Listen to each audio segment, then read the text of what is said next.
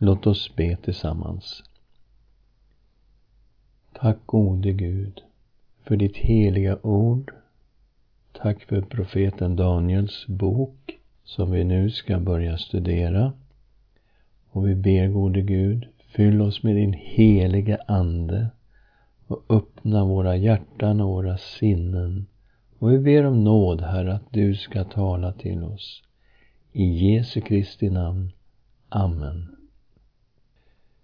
Ja, vi har kommit till den här delen som vi kallar för en historisk del. Det är kapitel 1, vers 1 till kapitel 6, vers 28. Och den första delen här är inledningen. Och det är hela det första kapitlet. Det är kapitel 1, vers 1 till kapitel 2, vers 3. Men i bakgrundsstudiet som vi gjorde förra gången så har jag redan kommenterat inledningen av boken och då fick vi reda på hur Daniel kom till Babel som fånge, hur de fick den här utbildningen och hur Gud välsignade Daniel och hans tre vänner på ett väldigt speciellt sätt. Och nu kommer vi in i det andra kapitlet. Och vi har kallat det för Nebukadnessars dröm om världsrikena. I Nebukadnessars andra regeringsår, och det var 603 f.Kr. Då fick han en dröm som berörde honom väldigt djupt. Märkligt nog så bad han sina drömtydare att både berätta vad han hade drömt om och att ge uttydningen. Naturligtvis kunde ingen veta vad kungen hade drömt. Men Nebukadnessar gav order om att avrätta alla vise i Babel om ingen klarar av den omöjliga uppgiften. Och det innebar ju att Daniel och hans vänner också skulle avrättas. I den här situationen kontaktade Daniel kungen och bad om lite tid men han sa också att han sen skulle ge kungen uttydningen. Först så uppmanade han sina judiska vänner att be till himlens Gud om nåd i kapitel 2, vers 17. Sedan gick Daniel hem och förklarade saken för sina vänner Hananja, Mishael och Asarja.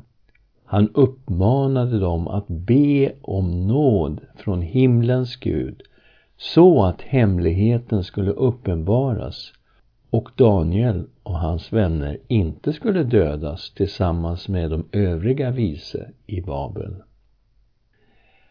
Och redan påföljande natt så uppenbarade Gud hela drömmen för Daniel i en syn. Vi läser i den nittonde versen. Då uppenbarades hemligheten för Daniel i en syn om natten och Daniel prisade himlens Gud och sa och så kommer det en bön här från Daniel. Och vi noterar att den är väldigt formell i början och mycket mer personlig i slutet. Lovat är Guds namn från evighet till evighet. För vishet och makt tillhör honom. Han låter tider och stunder skifta. Han avsätter kungar och tillsätter kungar. Han ger de visa deras vishet och de förståndiga deras förstånd. Han uppenbarar det som är djupt och fördolt. Han vet vad som finns i mörkret och ljuset bor hos honom. Dig, mina fäders Gud, tackar och prisar jag. För du har gett mig vishet och förmåga och uppenbarat för mig det vi bad dig om. Du har visat oss vad kungen ville veta. Så vi noterar här att den formella bönen växlar över till ett väldigt personligt tilltal i slutet av bönen. Och vi förstår att Daniel hade en personlig gemenskap med Gud. Men det han prisar Herren för, det är ju att han låter tider och stunder skifta. Han avsätter kungar och tillsätter kungar. Och det är precis det som var uttydningen av Nebukadnessars dröm som vi kommer att se ganska snart. Att det handlar om kungar och det handlar om världsriken. Daniel prisar också Herren för att han ger de visa deras vishet och de förståndiga deras förstånd. Och det gällde ju högsta grad honom själv och hans tre vänner. Vi läser i kapitel 1, vers 17. Åt dessa fyra unga män gav Gud kunskap och insikt i all slags skrift och vishet. Och Daniel förstod alla slags syner och drömmar. Så, han prisar Herren för vad han gör, men det gällde verkligen honom själv. Och nu hade alltså Gud uppenbarat det som var fördolt, det som ingen kunde veta. Och när Daniel blir väldigt personlig och tackar Gud, ja då tackar han egentligen Gud för samma saker. Jag tackar och prisar dig för att du har gett mig vishet och förmåga och uppenbarat för mig det vi bad dig om. Du har visat oss vad kungen ville veta. Och nästa morgon gick Daniel först till översten för livvakten och det var för att förvissa sig om att ingen skulle avrättas. Sen gick han till kungen och han sa verkligen till kungen att ingen människa kunde berätta drömmen för kungen. Men i 2.28 Men det finns en Gud i himlen som kan uppenbara hemligheter. Och han har låtit kung Nebukadnessar veta vad som kommer att ske i kommande dagar. Och sen beskrev Daniel drömmen som Nebukadnessar hade haft. Han beskrev den i detalj. Han beskrev en väldig staty med ett huvud av guld. Bröstet och armarna var av silver. Buken och höfterna var av koppar. Benen var av järn. Och fötterna, de var av järn och lera. Och plötsligt så kom det en sten farande som träffade statyns fötter och hela statyn krossades. Stenen växte till ett stort berg som uppfyllde hela jorden. Och det här är ju vad som står i kapitel 2, vers 31 35. Och så uttydde Daniel drömmen och det visade sig då att den här drömmen representerade fyra världsriken. Och det första, det var Babel, det var Nebukadnessars rike. Och då förstår vi ju vad drömmen syftar på. Vi tittar på de kommande fyra världsrikena med början med det babyloniska riket. Sen kom ju det persiska riket och sen kom det grekiska riket och sen kom romarriket. Det är de här fyra världsrikena som är representerade i den här statyn. Men det skulle hända någonting fantastiskt i det fjärde världsrikets tid för då skulle Gud upprätta sitt eviga rike. Vi läser kapitel 2, 44 45. Men i de kungarnas dagar ska himlens Gud upprätta ett rike som aldrig i evighet ska gå under och vars makt inte ska överlämnas till något annat folk. Det ska krossa och göra slut på alla andra riken, men självt ska det bestå för evigt.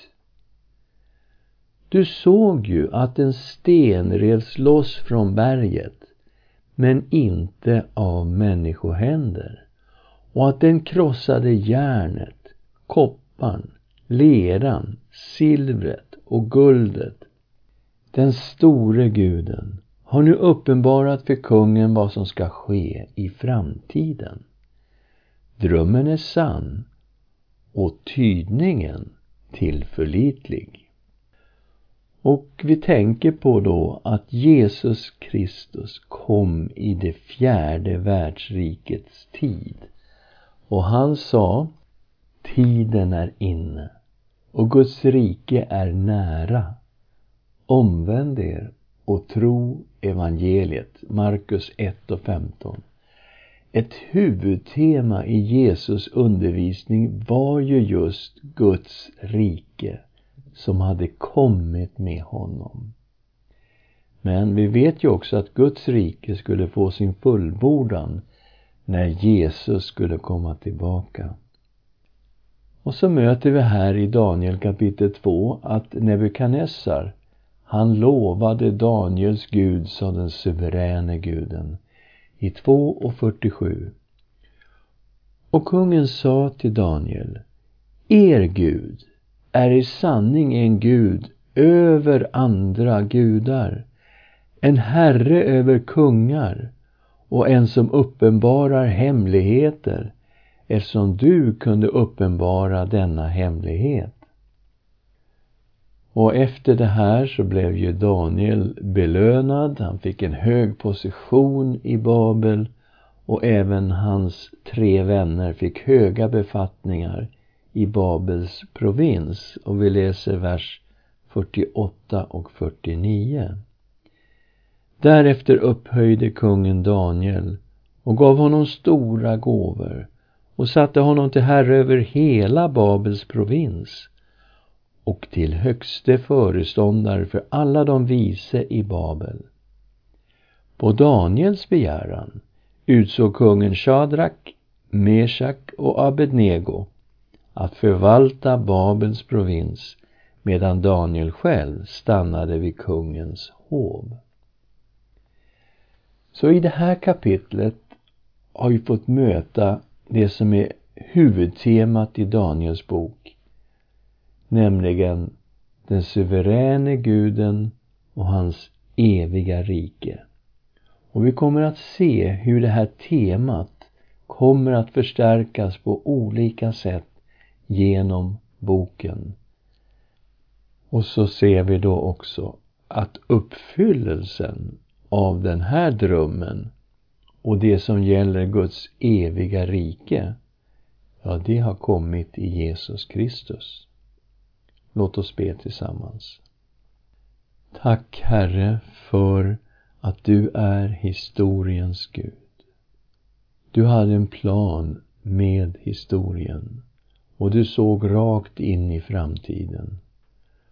Och du visste att i det fjärde världsrikets tid, då skulle du sända din enda son, Jesus Kristus.